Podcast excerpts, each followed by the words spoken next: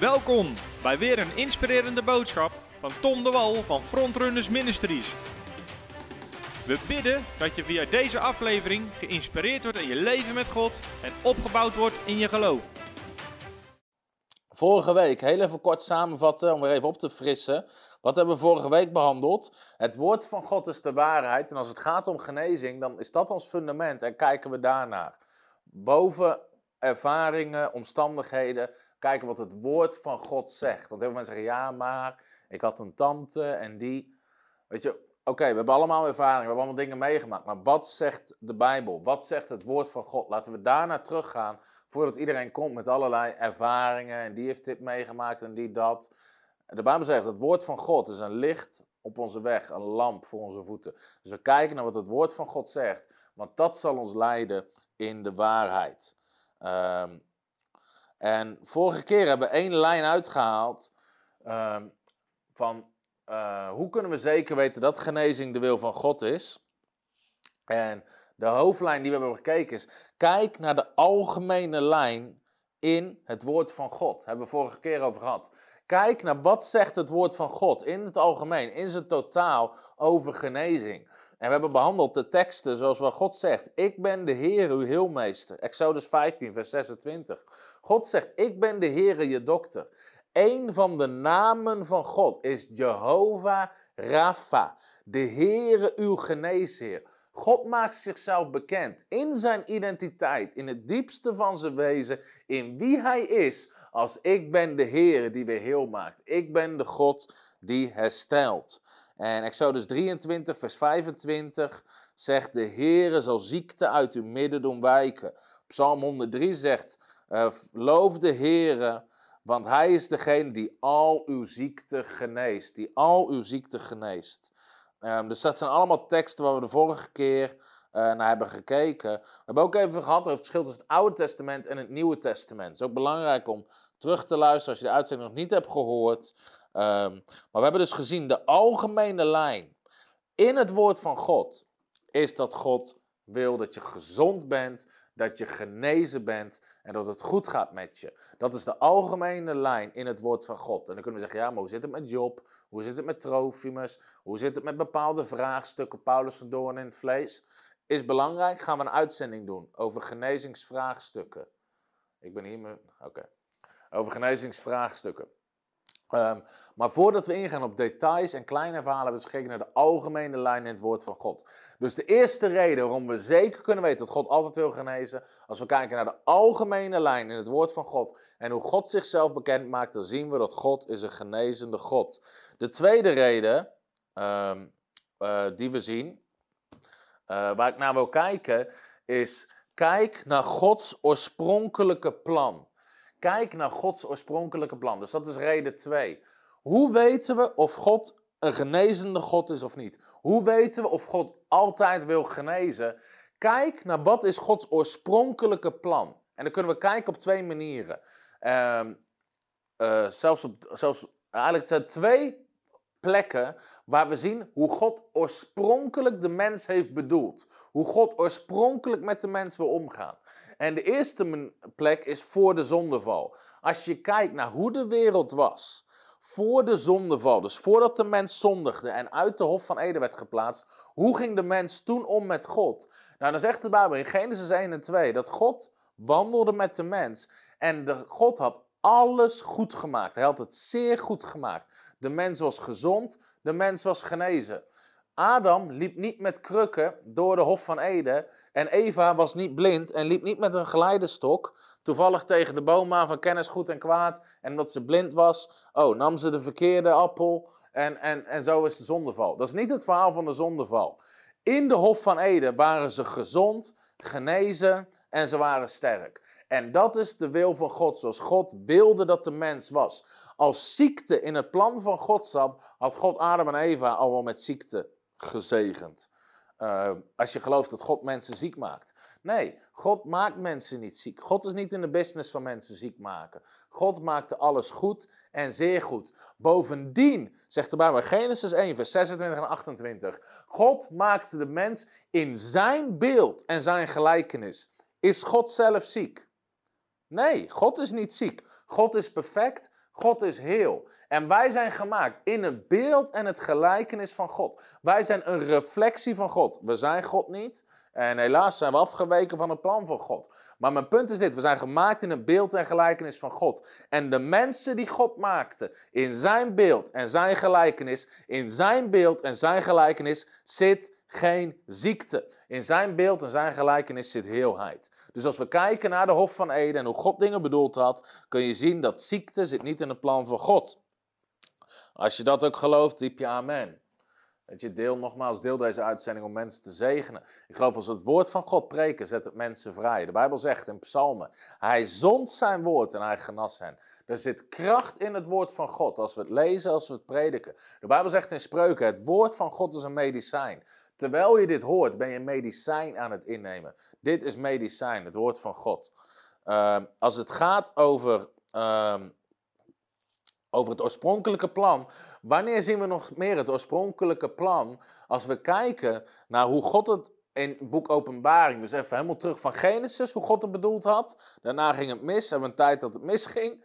En dan uiteindelijk beschrijft het boek Openbaring over de nieuwe hemel en de nieuwe aarde. En dan zegt de Bijbel in Openbaring 21, vers 4: God zal alle tranen van hun ogen afwissen. De dood zal er niet meer zijn. Hebben we het de vorige uitzending over gehad. De dood is een vijand. De laatste vijand die verslagen moet worden, zegt Paulus. De dood zal er niet meer zijn. Ook geen rouw, jammerklacht of moeite. Want de eerste dingen zijn voorbij gegaan. De, de eerste dingen zijn voorbij gegaan. De Bijbel schetst ons een beeld dat als God alles herstelt, als God alles nieuw maakt, dan zal er geen dood zijn, geen ziekte zijn, geen ellende zijn, geen tranen zijn. Later in de hemel is er geen ziekte. Als ziekte in het plan van God zat, nogmaals, liepen mensen wel met krukken in de hemel. Maar de Bijbel leert ons dat we een verheerlijk lichaam krijgen, wat volledig gezond is. En tot die tijd leven we op aarde, maar het laat wel zien dat dat de wil van God is. Als ziekte de wil van God was, dan had God wel ziekte gemaakt in de hemel. Maar er is geen ziekte in de hemel. In de hemel is perfectie. En dat, kan ons, dat leert ons wat de wil van God is. Sommige mensen vragen zich af, ja, maar misschien zit ziekte wel in het plan wat God heeft voor mijn leven. Ben je later in de hemel ziek? Nee, dan zit het niet in Gods plan. Het is niet onderdeel van Gods plan. Waren Adam en Eva ziek? Nee. Als ziekte onderdeel is van Gods plan, had hij hun wel ziek gemaakt. Ziekte is niet onderdeel van het plan van God. Ziekte is onderdeel van het plan van de duivel. Ziekte kwam de aarde op toen de duivel zich begon te bemoeien en de zondeval plaatsvond en ellende plaatsvond. Jezus bidt in Matthäus hoofdstuk 6. Dan zeggen de discipelen: Leer ons bidden. Wat bidt Jezus?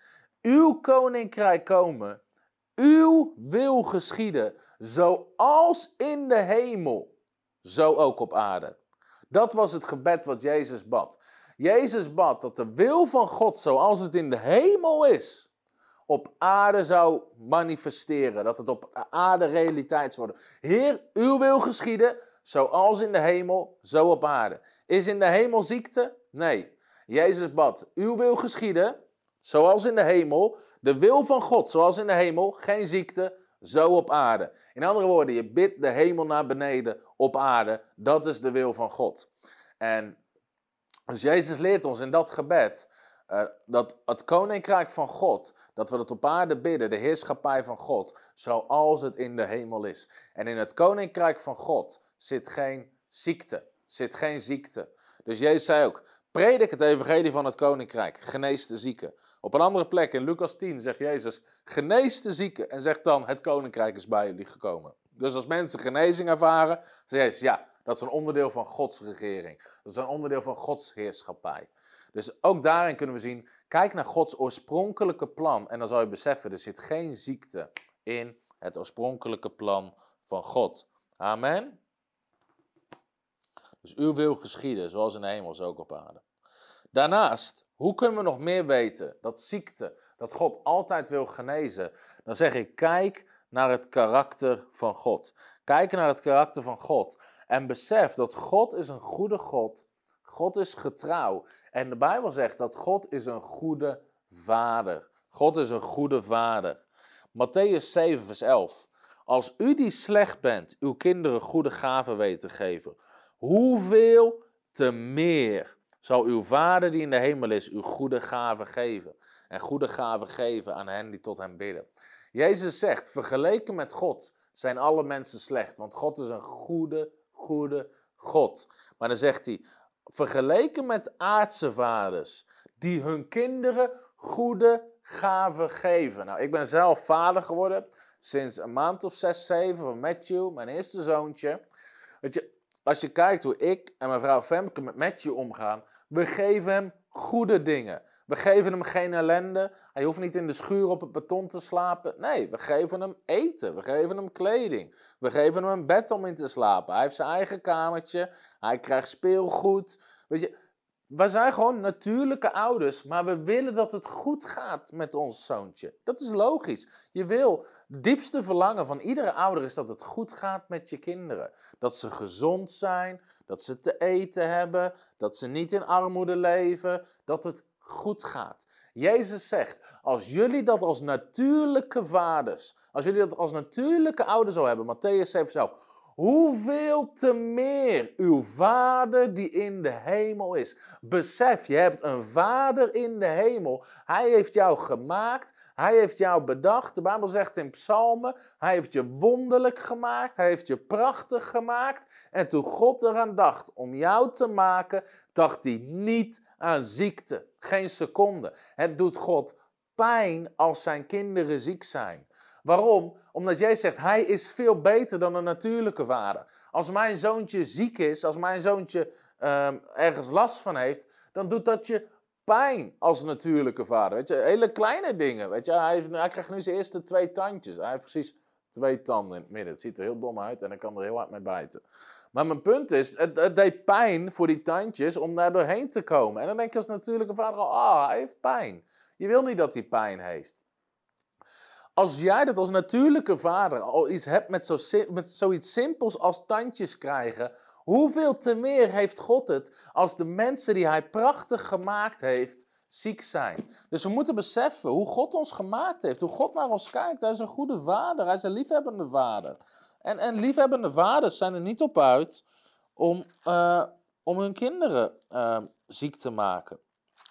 Laten we even kijken uh, naar een psalm zit even te zoeken naar die persoon die zegt dat uh, God ons prachtig gemaakt heeft. Als iemand. Uh,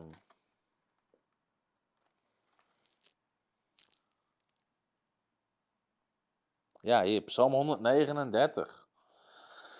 U heeft zelfs mijn nieren geschapen, mij in de schoot van mijn moeder gemaakt, zegt de Bijbel. Ik loof u omdat, u ons, omdat ik ontzagwekkend wonderlijk gemaakt ben. Wonderlijk zijn uw werken, mijn ziel weet dat zeer goed. Um, uw ogen hebben mij ongevormd begin gezien en ze werden in uw boek beschreven. De dagen werden al gevormd toen er nog niet één bestond. Daarom, hoe kostbaar zijn mij uw gedachten, o God, hoe machtig groot is hun aantal. En uh, weet je, de Bijbel leert ons, God heeft ons gemaakt. Hij heeft ons bedacht met passie. Hij heeft ons gemaakt vol liefde. En alles wat God maakt is goed. Alles wat God maakt is goed. En er zit geen ziekte in dat plan van God. Jezus zegt, als jullie natuurlijke vader zou willen dat het goed gaat met je kinderen, hoeveel te meer God de Vader. En daarom is het ook belachelijk dat mensen denken, soms hoor je mensen zeggen, ja, de Heer heeft me deze ziekte gegeven om me iets te leren. Onzin. Totale onzin. Stop ermee.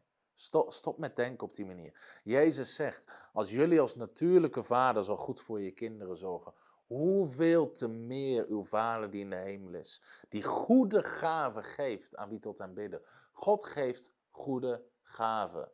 Dat is 5G. God geeft goede, dat is 4G. 4G. God geeft goede gaven. Ehm, het is bizar als mensen denken dat, dat God de Vader je ziek maakt om iets te leren. Dat zou hetzelfde zijn als mijn zoontje van zes maanden pak Matthew en dat ik hem een beetje, uh, uh, dat ik hem wat bedorven dingen laat eten. Weet je, hij eet nu alles, hij stopt nu alles in zijn mond, maakt niet uit wat het is, een stift, een pen, een boek, alles gaat naar zijn mond toe. Als ik hem wat bedorven dingen laat eten, of wat vergif, zodat hij ziek wordt, dat hij dan leert om niet meer alles in zijn mond te stoppen.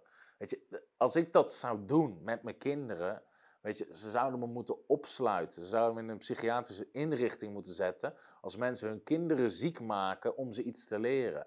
Weet je, natuurlijke vaders doen dat al niet. Hoeveel te meer doet de hemelse vader dat niet? De Bijbel zegt dat God onderwijst ons door zijn woord en door zijn geest. We hebben laatst een serie gedaan over hoe corrigeert God. Dus die kan je terugluisteren. God onderwijst ons door zijn woord. Het woord onderwijst ons. Uh, 2 Timotheüs 3 vers 16 weerlegt, beproeft, verbetert ons. En de geest van God onderwijst ons in heel de waarheid. De Bijbel zegt nergens, God onderwijst ons door ziekte in heel de waarheid. Onzin. God maakt je niet ziek om iets te leren. God maakt je niet ziek om iets te leren. Bovendien, om even mensen hun denken te confronteren. Sommigen zeggen, ja, de Heer heeft me dit gegeven uh, om iets te leren. Oh, heeft God je dat gegeven? Dan moet je niet naar de dokter gaan. Moet je geen paracetamol slikken. Moet je geen pijnstilling slikken. Geen antibiotica. Geen behandeling. Als jij denkt dat God jou dat geeft om je iets te leren, dan moet je er ook niks aan doen. Want dan ben je tegen de wil van God bezig. Als jij denkt dat God je ziek heeft gemaakt en je wil wandelen in de, in de wil van God, moet je, nergens, moet, moet je ook niet laten behandelen. Want dan ben je tegen de wil van God bezig. De, je, je, je hebt al door hoe, hoe, gek dat denken is. Weet je, God maakt je niet ziek. Hij is een goede vader. God geeft geweldig goede gaven. Dan hebben we wel 5G. Amen. Um, maar kijk naar zijn karakter. Kijk naar zijn. God is een goede vader. Jacobus 1, vers 7. Dit is een kerntekst. Jacobus 1, vers 7. Elke goede gave en elk volmaakt geschenk is van boven en daalt neer van de Vader der lichten, bij wie geen verandering is of schaduw van omkeer. Jacobus zegt hier, al het goede komt van boven. Elke goede gave komt van God, de Vader der lichten, bij wie geen schaduw is. God heeft geen schaduwzijde. Hij is niet alleen maar goed, maar hij heeft stiekem ook een donkere kant. En soms is hij niet goed en soms maakt hij iemand ziek. Dat is niet wie God is. Hij heeft geen schaduwzijde, zegt Jacobus. Hij is enkel goed. Hij geeft alleen maar goede dingen. Waarom? God is vanuit de kern van zijn wezen goed.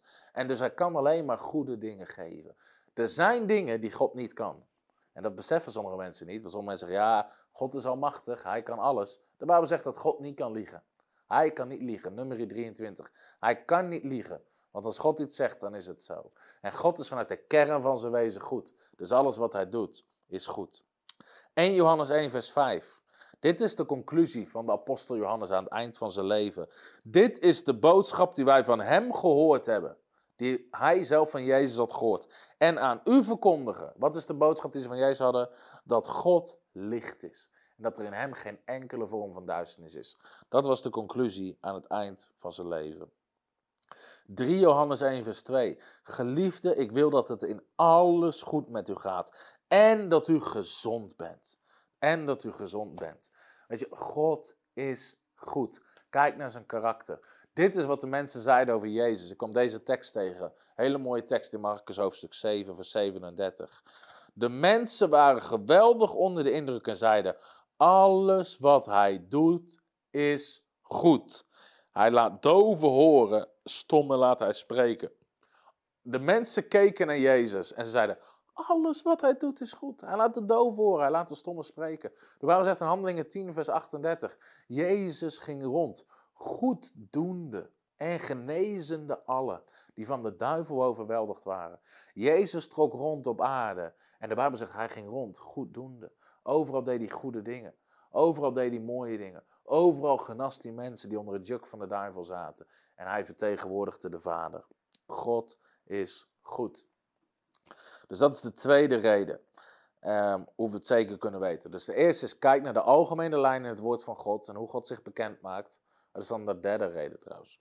Uh, de tweede reden is, kijk naar Gods oorspronkelijke plan. En de derde reden, of de derde manier waarop we kunnen zeker weten dat het genezing altijd de wil van God is, is kijk naar het karakter van God. Um,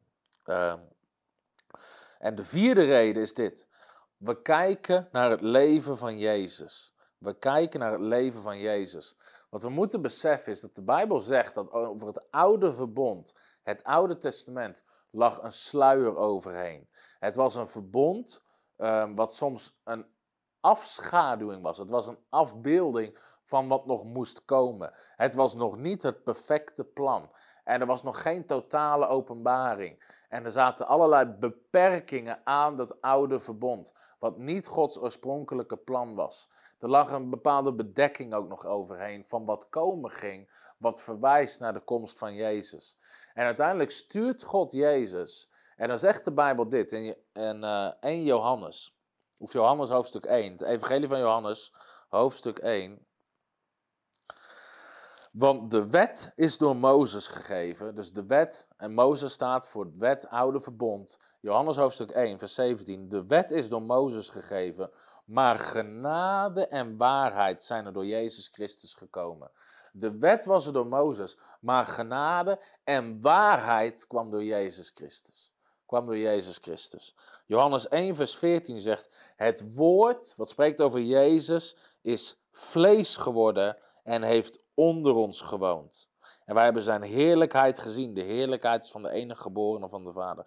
Jezus was het woord, zegt de Bijbel, en het is vlees geworden. Jezus is het woord van God, is de Bijbel, is Gods woord in een lichaam. Jezus is wat God sprak in het lichaam. Jezus kwam op aarde, hij is het vlees geworden woord van God. Hij is God de Vader die op aarde kwam in de gedaante van een mens, de zoon van de drie-eenheid. Ehm, en hij kwam op aarde en hij liet ons zien wie de Vader was. Hij liet ons zien wie de Vader is. Dus sommige mensen, als het gaat over genezing, zeggen, maar hoe zit het dan met Job? Hoe zit het met Jezus? De waarheid is gekomen toen Jezus kwam, zegt de Bijbel. Dus ah, zet even aan de kant. Hoe zit het met Job? Hoe zit het met Jezus? Wat laat Jezus ons zien? Sommigen zeggen, wat laat Job ons zien? Wat laat Jezus ons zien? Hij is de waarheid. Jezus zegt, zei, ik ben de weg, de waarheid en het leven. Jezus is de waarheid. Dus zet even aan de kant. Hoe zit het met Job? Hoe zit het met Jezus? Hij is de waarheid. Kijk naar Jezus. Um, dus als het gaat om het bestuderen van het woord van God over genezing, bestudeer Jezus. Hij is het woord van God in het lichaam. En um, Jezus wandelt in de perfecte wil van God. Zei in Johannes 10, vers 30: Ik en de Vader zijn één. Jezus en de Vader waren één. Johannes 12, vers 45. Wie mij ziet, zegt Jezus, ziet hem die mij gezonden heeft. Wie mij ziet, wie naar mij kijkt, zegt Jezus, ziet degene die mij gezonden heeft. Uh, Jezus zegt in Filippen, of Johannes 14, vers 8, waar Filippus zegt, hele mooie tekst. Filippus zegt tegen Jezus, Heer, Laat ons de Vader zien en het is ons genoeg. Dus Filippus, die heeft door, hij wandelt nu een tijd met Jezus, maar hij denkt, ja maar hoe is God de Vader? En hij begrijpt nog niet hoe die verhouding zit, dat Jezus onderdeel is van de drie-eenheid. Dus op een gegeven moment Filippus zegt, Heer, laat ons de Vader zien. Jezus zegt dit. Jezus zei tegen hem, ben ik zo'n lange tijd bij u en kent u mij niet, Filippus? Wie mij gezien heeft, heeft de Vader gezien. Johannes 14, vers 9. Wie mij gezien heeft, heeft de Vader gezien. Als we kijken naar Jezus, dan zien we wie God is. Als we kijken naar Jezus, dan zien we wie God is. En zo meteen ga ik, ga ik iets dieper in op genezing, wat daarmee te maken heeft.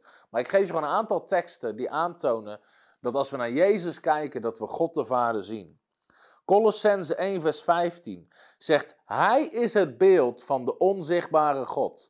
Hij is het beeld van de onzichtbare God. Jezus, het spreekt over Jezus, is het beeld van de onzichtbare God. God is onzichtbaar. God kan je niet zien. Maar, je, maar als we naar God willen kijken, als we een beeld willen hebben van God, kijk naar Jezus, zegt de Bijbel. Hij is het beeld van de onzichtbare God. Hebreeën 1, vers 1 zegt: God heeft voorheen vele malen en op vele manieren tot de vaderen van het oude verbond gesproken door de profeten, maar heeft in deze laatste dagen tot ons gesproken door de Zoon.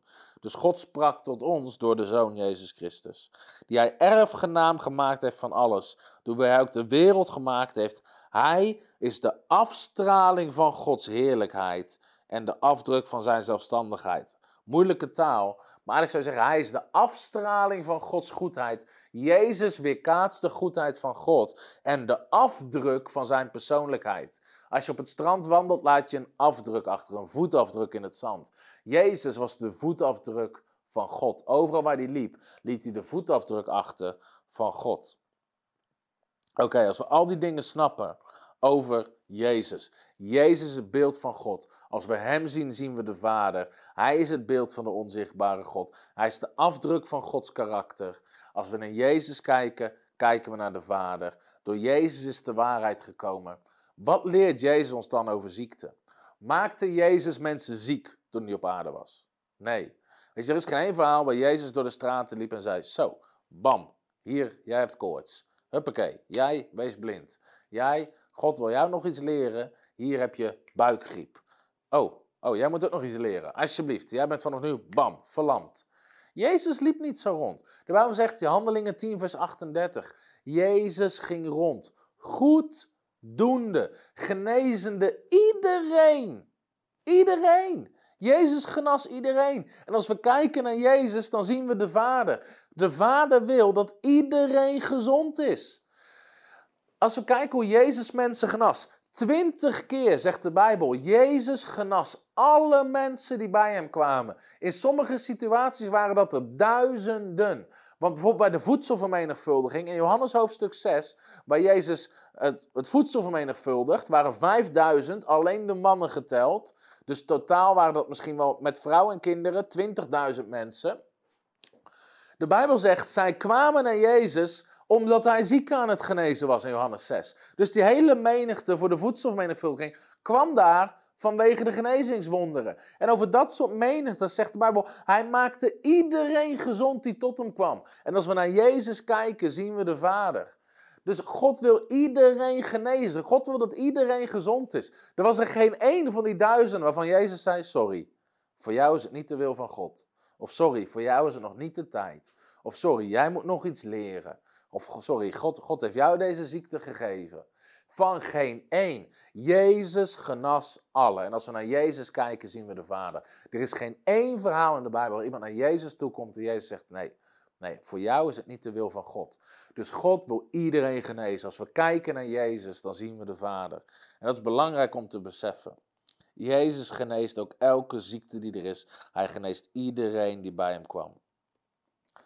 Matthäus 4, vers 23. Hij genas elke ziekte en elke kwaal onder het volk. En als we Jezus zien, dan zien we de Vader. Als we Jezus zien, dan zien we de Vader. Dus Jezus genas constant iedereen die bij hem kwam. En dat is dus de vierde reden. Kijk naar Jezus. Als je twijfelt, wil God iedereen genezen? Lees de verhalen van Jezus. De een naar de ander genast hij. Jezus twijfelde ook nooit. Niet zoals toen Jairus um, naar Jezus kwam en zei: Heer, mijn dochtertje ligt op sterven. Dat Jezus zei: Oh, ik moet even bidden of het wel de wil van God is dat ze geneest. Ja, ja, ik ga mee. Nee, Jezus zei meteen: Ik kom mee en ik zal er genezen.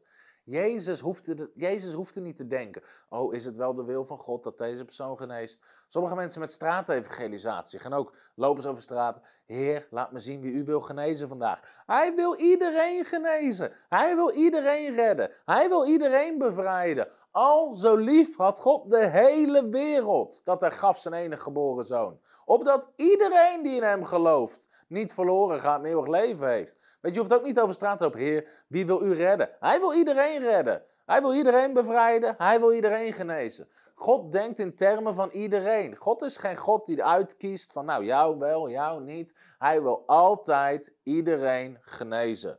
En Jezus hoefde daar nooit over te bidden en twijfelde daar nooit over. Oké, Daniel stelt een hele goede vraag. Daniel zegt, uh, sommige mensen zoeken uitvluchten, want ze zeggen ja, maar als Jezus iedereen genas, hoe kan het dan dat in het boek Handelingen nog zieke mensen waren, zoals, zoals Petrus, uh, of zo, zoals de man die Petrus geneest. Um, hoe kan dat dan, als Jezus iedereen genas? Is een goede vraag. En er zijn drie redenen voor. Um, als je kijkt, ja, Jezus genas iedereen, maar de Bijbel zegt, Jezus genas iedereen die bij hem kwam.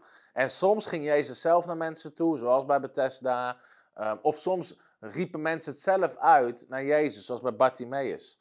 Uh, Jezus genas iedereen, maar Jezus had wel een aantal beperkingen in zijn leven. Eén daarvan is gewoon de fysieke beperking. Jezus zat in een lichaam. Dus hij kon maar op één plek, op één plaats zijn. Dus Jezus kon niet overal tegelijk zijn. Daarom liepen hele menigtes naar hem uit. Um, Jezus was drie jaar op aarde. Hij had een tijdsbeperking. Hij was drie jaar op aarde voor zijn bediening. Ehm, dus hij, hij had gewoon simpelweg niet genoeg tijd om iedereen te genezen. En daarnaast was er de sabbatsbegrenzing. Want we zien dat de religieuze leiders niet toestaan dat Jezus op de Sabbat geneest. Want ze proberen hem te stenigen, te doden. Jezus doet zes keer een wonder op de Sabbat. En alle keren, behalve één keer, proberen ze hem te stenigen en te vermoorden. De enige keer dat ze het niet doen, was de schoonmoeder van Petrus, die die genas van koorts, omdat dat binnenshuis was, dus niemand had dat door wat daar gebeurde. Alle andere keren dat Jezus in het openbaar iemand genas, op de Sabbat probeerden ze hem te stenigen. Dus Jezus was in de Sabbat niet altijd vrij om iedereen te genezen vanwege de commotie die het veroorzaakte onder de Joodse leiders.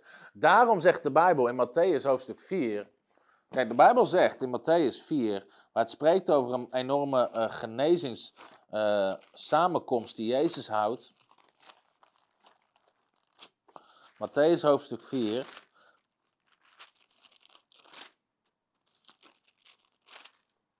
Of is het Matthäus? Uh, even kijken hoor. Het is Matthäus 8, denk ik even. Let me check. Ja.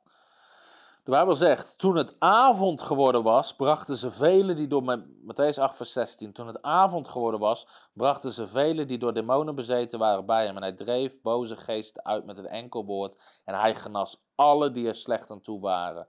Op dat vervuld werd wat gesproken was door de profeet Jezaja toen hij zei, hij heeft onze zwakheden op zich genomen en onze ziekte gedragen. Waarom zegt de Bijbel, toen het avond geworden was, brachten ze alle zieken? Omdat de Sabbat over was. De zon was ondergegaan, de Sabbat was over. Dus nu begon iedereen weer te komen, uh, omdat de Sabbat over was. En uh, dus Jezus had gewoon simpelweg niet de tijd om iedereen gezond te maken. Jezus deed constant grote genezingsdiensten.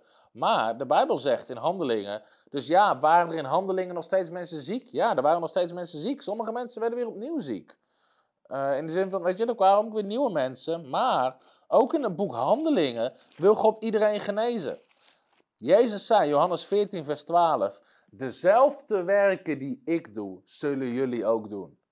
Jezus genas iedereen, dus wat is het plan van God voor zijn kerk, voor de gemeente? Dat bij ons iedereen geneest. Dat is het plan. Hetzelfde wat ik doe, iedereen genezen, zullen jullie ook doen. Iedereen genezen. Daarom zegt de Bijbel in Handelingen 5, vers 16, dit was niet Jezus, dit waren de apostelen. Men bracht de zieken bij hun, bij de apostelen, en ze werden allemaal genezen. Dus de apostelen deden letterlijk hetzelfde als Jezus deze genazen iedereen. Dus ook daarin zie je, het is de wil van God dat iedereen uh, geneest.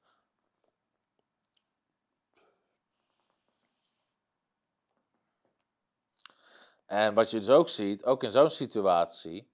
Um, kijk, kijk bijvoorbeeld naar Bartimaeus. Jezus loopt, is op weg.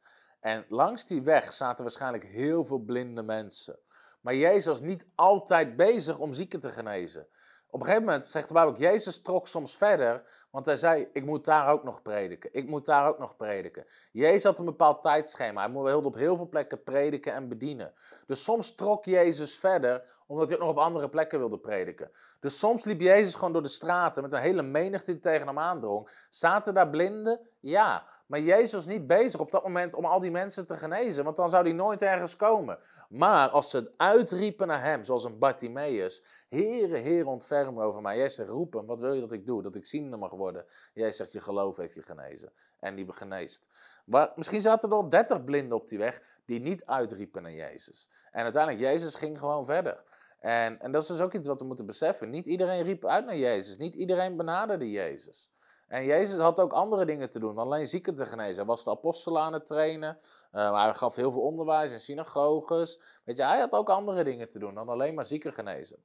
Um, dus dat is ook een heel goed antwoord, wat daar gewoon mee te maken heeft. Um, dat iedereen die tot Jezus kwam, genas zijn. Maar mensen moesten wel komen. Mensen moesten wel komen. Ja, dus dat is het leven van Jezus. Dan, hoe weten we nog zeker, en deze is heel sterk, dat God altijd iedereen wil genezen? Dat is niet naar het leven van Jezus kijken, maar dat is om te kijken naar het sterven van Jezus. Uiteindelijk, Jezus leefde drie jaar lang. Hij genas allerlei ziektes. Maar uiteindelijk stierf hij aan het kruis. En de Bijbel zegt, toen hij stierf aan het kruis, heeft hij al onze zonden gedragen. Nou, dat gelooft iedereen, bijna iedereen in de kerk. Dat toen Jezus stierf aan het kruis, droeg hij onze zonde, droeg hij onze ongerechtigheid, droeg hij onze schuld. Maar hij droeg ook alle ziekte, alle ellende, alle armoede, alle pijn. Hij droeg de vloek, hij droeg de ziekte. De Bijbel zegt in Jesaja 53, en daar spreekt het over het offer van Jezus, aan het kruis. Onze ziekte heeft hij op, ons, op zich genomen. En waar wij onder lijden heeft hij gedragen. En dan zegt het, uh, hij is om onze overtredingen verwond, om onze ongerechtigheden verbrijzeld. De straf die ons vrede aanbrengt was op hem. En door zijn striemen is er voor ons genezing gekomen. En daar zegt de Bijbel dus dat toen Jezus stierf aan het kruis, droeg Jezus ook alle ziekte. Hij droeg alle zonde, alle ellende, alle pijn en alle ziekte. Waarom? Jezus kwam herstellen wat met de zondeval verloren was. Het evangelie gaat niet over vergeving, het evangelie gaat over verzoening. Wat betekent verzoening? Teruggebracht naar een vorige positie. Dus Jezus betaalde de prijs voor alles wat de zondeval had veroorzaakt. De vloek, zonde, ziekte.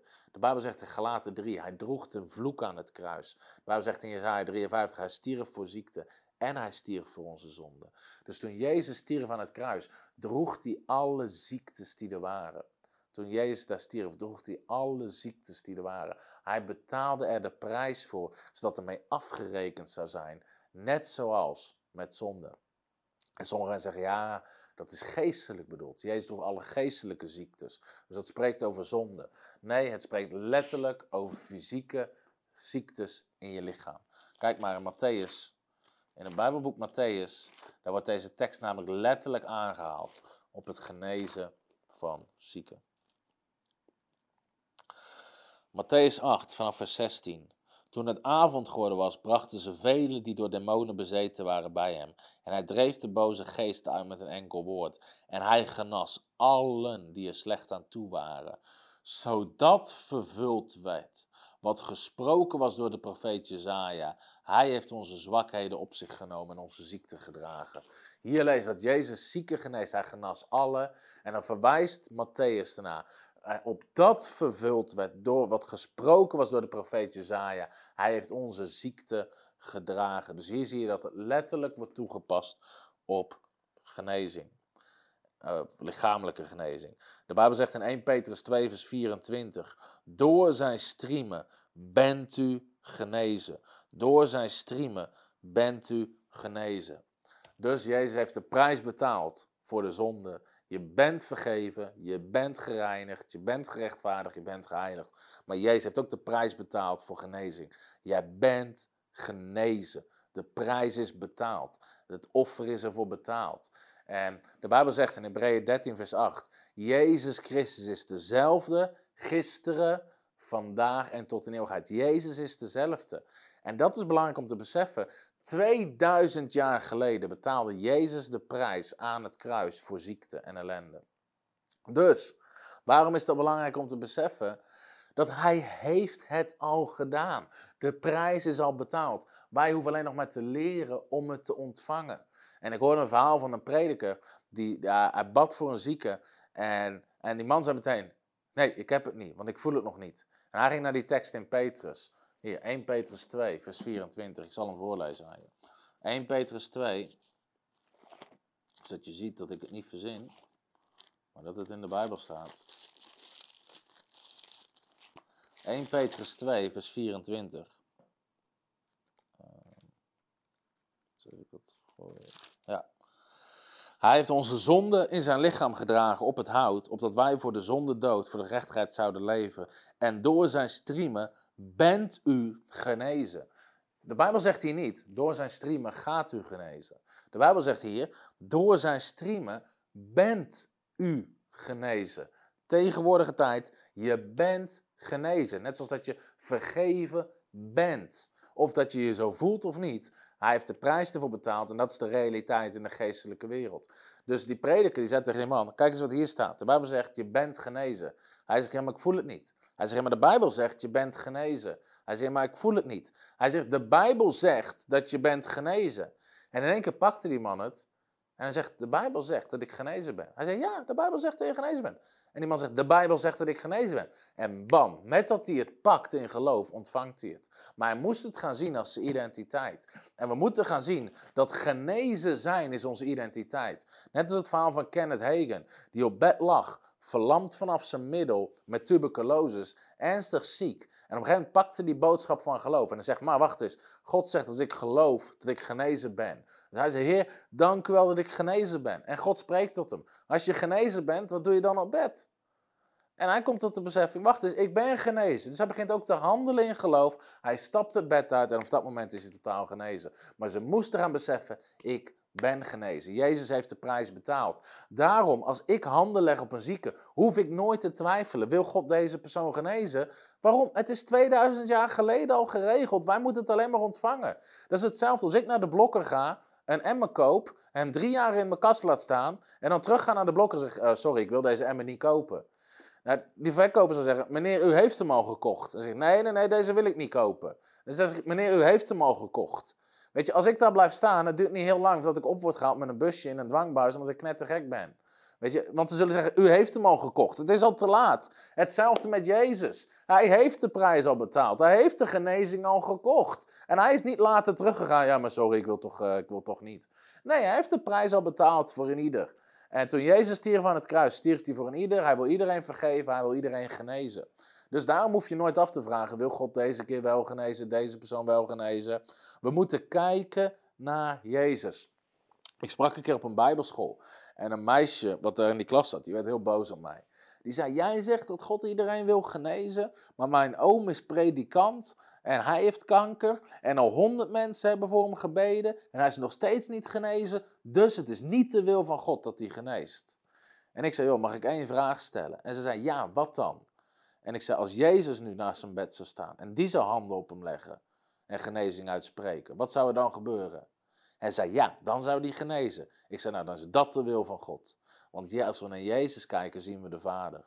En we mogen groeien tot we gelijk worden aan het beeld van Jezus. En Jezus heeft de prijs al betaald. En bovendien moeten we beseffen hoe het koninkrijk van God werkt. Jezus zegt nergens, als honderd mensen bidden, dan zal ik genezen. Hij zegt, ik heb één iemand nodig met geloof, die spreekt tegen de berg en de berg zal wijken. Weet je, waar zijn die honderd mensen voor aan het bidden? Vaak bidden, als je vraagt, waarvoor bent u aan het bidden? Ik ben aan het bidden voor de artsen, voor wijsheid. Iedereen bidt voor van alles en nog wat.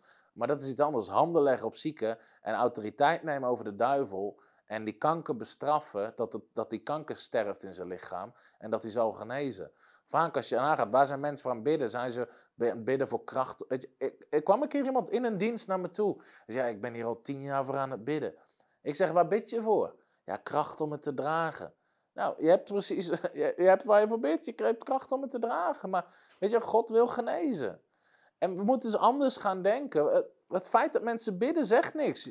Jezus vraagt nergens, uh, waar was je gebed? Toen Petrus door het water zakte, waar was je gebed? Hij vraagt altijd, waar is je geloof? Jezus op zoek naar geloof. Dat is iets wat we moeten beseffen. Maar Jezus heeft de prijs al betaald. En zonde en ziekte is voor Jezus wat dat betreft hetzelfde. De prijs is ervoor betaald. Psalm 103. Prijs de Heere, o mijn ziel, die al mijn zonden vergeeft. Weet je, wil God al je zonden vergeven of een paar? Ja, dat ik er iets gestolen heb, dat wil hij wel vergeven. Ehm, maar dat ik ook uh, dat ik iemand echt bedrogen heb, nee, dat niet. Weet je, of dat ik, dat ik gelogen heb, dat niet. Nee, hij, hij vergeeft al je zonden. Hij is niet selectief. Maar hij vergeeft of hij geneest ook al je ziekte. Die al uw ziekte geneest. Die al uw ziekte geneest. Dus we moeten begrijpen dat als de Bijbel spreekt over redding, dan betekent, wij, wij lezen dan, al lief heeft God de wereld, dat er gaf zijn enige geboren zoon, dat iedereen hem gelooft niet verloren gaat, maar eeuwig leven heeft. Dat eeuwig leven betekent dat we een leven hebben in Gods koninkrijk. En wij denken bij redding aan zonde vergeven, omdat dat is wat gepreekt wordt. Maar redding in het Grieks sozo of soteria betekent dat Jezus heeft de prijs betaald. En dat betekent redden, genezen, bevrijden, vergeven, de vloekte niet gedaan. Het gaat niet alleen over zonde vergeven. En dus Jezus zegt ook tegen, um, tegen de bloedvloeiende vrouw, uh, zegt hij, uh, even kijken of ik het hier bij de hand heb. De bloedvloeiende vrouw zei: Als ik zijn bovenkleed aanraak, zal ik gered worden. Maar het sprak over genezing. En Jezus zei: Uw geloof heeft u behouden. Uw geloof heeft u gered. Maar ze werd genezen. Dat is hetzelfde uh, woord in het Grieks. Dus als de Bijbel zegt in Romeinen 1, vers 16: Ik schaam mij niet voor het evangelie, want het is de kracht van God tot zaligheid, tot redding voor ieder die gelooft, zegt de Bijbel. Ik schaam me niet voor het evangelie, want het is de kracht van God tot redding voor een ieder die gelooft. Tot vergeving voor een ieder die het gelooft. Tot genezing voor een ieder die het gelooft. Om de vloek te verbreken voor een ieder die gelooft. Het zit allemaal bij dat ene pakket in. Genezing is hetzelfde als vergeving. Armoede te niet doen. Jezus stierf voor onze armoede aan het kruis. Hij heeft de relatie met God hersteld. Met de goede Vader die goede dingen geeft. En genezing geeft, vergeving geeft, de vloek te niet doet. Dat is je identiteit als kind van God.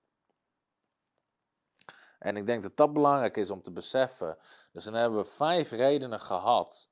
Ehm, en daar wil ik nog iets over zeggen. Sommige mensen zeggen, ja, weet je, van die groep, daar claimen ze genezing. Weet je, alsof je claimt genezing, maar je dwingt het af van de duivel, niet van God. God wil het geven. Weet je, soms kun je zeggen, ik claim mijn genezing, omdat de duivel degene is die het tegenhoudt. Niet God. God wil dat je het hebt. God heeft je niet ziek gemaakt. Daar gaan we een andere uitzending over hebben. Waar komt ziekte vandaan? Maar God heeft je niet ziek gemaakt. De duivel maakt ziek.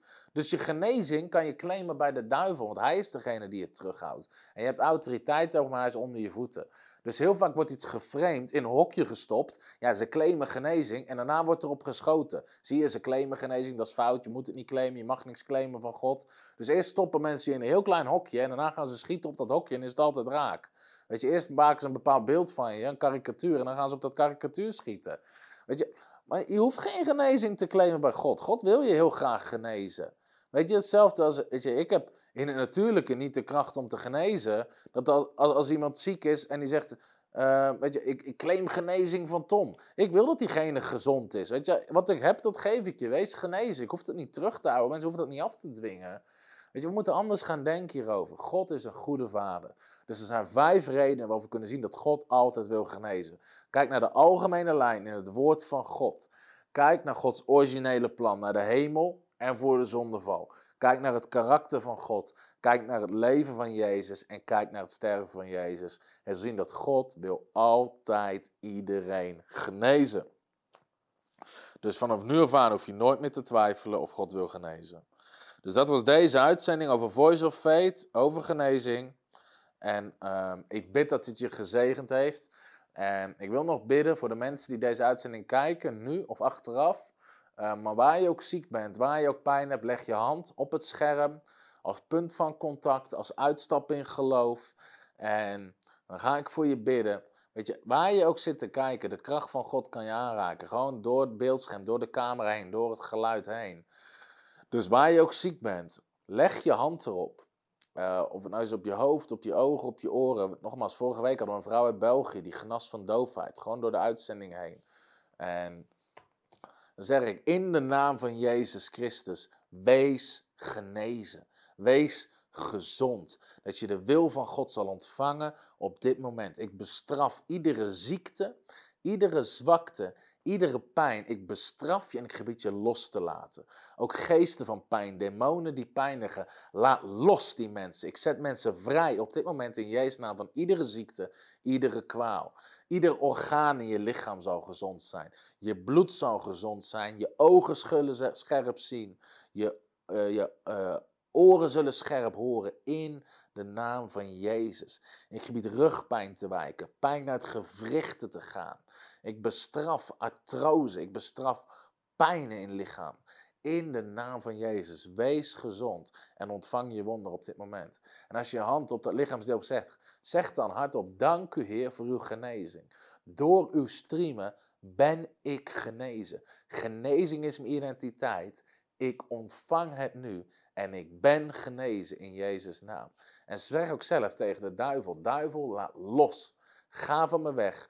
Pijn, ga van me weg. Ik neem er autoriteit over in de naam van de Heer Jezus Christus. Amen.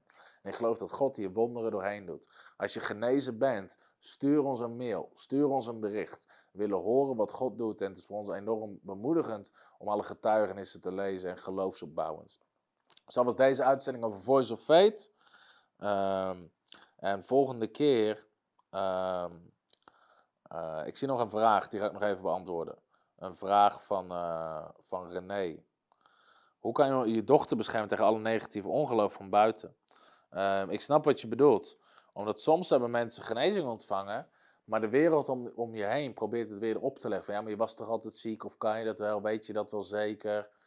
Ehm, uiteindelijk moeten mensen zelf, een uh, ook je dochter zal daar zelf een stand in moeten nemen. Van hé, hey, dit is mijn identiteit, dit is wie ik ben, dit is hoe God me gemaakt heeft. Ehm, en ik ontvang niet wat andere mensen erover zeggen. Uh, want anders is het nou dat ze daarop gaan mediteren en dat ze gewoon weer terug ontvangen.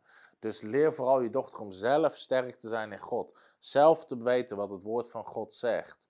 Uh, om sterk te zijn. De Bijbel zegt in Efeze 6 dat de duivel schiet vurige pijlen af. En dus die vurige pijlen zijn leugens. Dat is wat de duivel doet. Dus hij liegt. Hij zegt, zie je wel, je bent niet genezen. Of weet je wat, het gaat terugkomen. Maar de Bijbel zegt, we hebben een schild van het geloof, wat alle pijlen blust. Dus op het moment dat de duivel zegt, weet je, het zal terugkomen. Wat omhoog moet komen bij haarzelf is de wapenuitrusting en de schild van het geloof wat zegt, nee, in zijn streamen ben ik genezen. Nee, ik zal gezond zijn. Nee, de prijs is betaald. En dat is je schild van het geloof, waardoor die vurige pijlen niet binnenkomen. Dus leer vooral mensen zelf, of het nou je dochter is of mensen die je discipelt, wat je identiteit is in Christus, wat je wapenuitrusting is en niet de leugens van de duivel te ontvangen. Oké, um, Lambert gaat nog even een uh, filmpje laten zien over partnerschap. Kan dat of niet? Uh, we hebben een actie. Iedereen die partner wordt. Als je zegt, hey, ik wil maandelijks donate do don donateren, dat is een nieuw woord. Ik wil maandelijks doneren, ik wil maandelijks meehelpen. Ik wil geven, ik wil helpen om deze boodschap, deze bediening op meer plekken te brengen. Dus we doen ontzettend veel. Uh, nogmaals, volgende week vliegen we weer naar Burundi, Afrika, doen we een grote campagne. Kost meer dan 10.000 euro. Gewoon om daarheen te gaan met een team. De campagne kost grondhuren, vergunningen. Maar we bereiken duizenden mensen met het evangelie. We bereiken duizenden mensen via media. We hebben bijbelscholen. Um, dus als je daar deel van wil zijn en zegt, hey, ik vind het gaaf wat jullie doen. We zijn vereerd met iedereen die op partner is. Maar zegt, hey, ik word maandelijks partner. Uh, ik help jullie meebouwen. Iedereen die partner wordt, sturen we al ons onderwijs op op uh, USB-stick. Wat we hebben met video's en mp3 over voorziening, uh, opwekking, genezing, geloof. En mijn boeken over financieel partnerschap en tongentaal. En ik ben een nieuw boek aan het schrijven over genezing. Ik probeer het dit jaar af te maken, zodat het begin volgend jaar binnenkomt. Dus als je partner wordt vanaf 25 euro of meer in de maand, sturen we je alles op wat we hebben. En al het nieuwe wat uitkomt, krijg je ook gratis thuis gestuurd. God zegen, tot volgende keer. Hallo, Tom de Wol hier en bedankt dat je weer geluisterd hebt naar onze podcast. Ik bid dat het je geloof gebouwd heeft en je bemoedigd bent. Als je niet alleen een luisteraar van onze boodschap wil zijn, maar ook een verspreider daarvan, wil ik je uitnodigen om partner te worden van Frontrunners. Door jouw maandelijkse donatie help je ons om dit evangelie van Jezus Christus en het woord van God over heel de aarde te brengen. Om partner te worden, ga naar www.frontrunnersministries.nl slash partners en word partner. Hartelijk bedankt en tot snel. Heb je ook zo genoten van deze inspirerende boodschap van Tom de Wal? Abonneer je dan op deze podcast. Volg ons op Facebook en op Instagram en kijk op onze website frontrunnersministries.nl.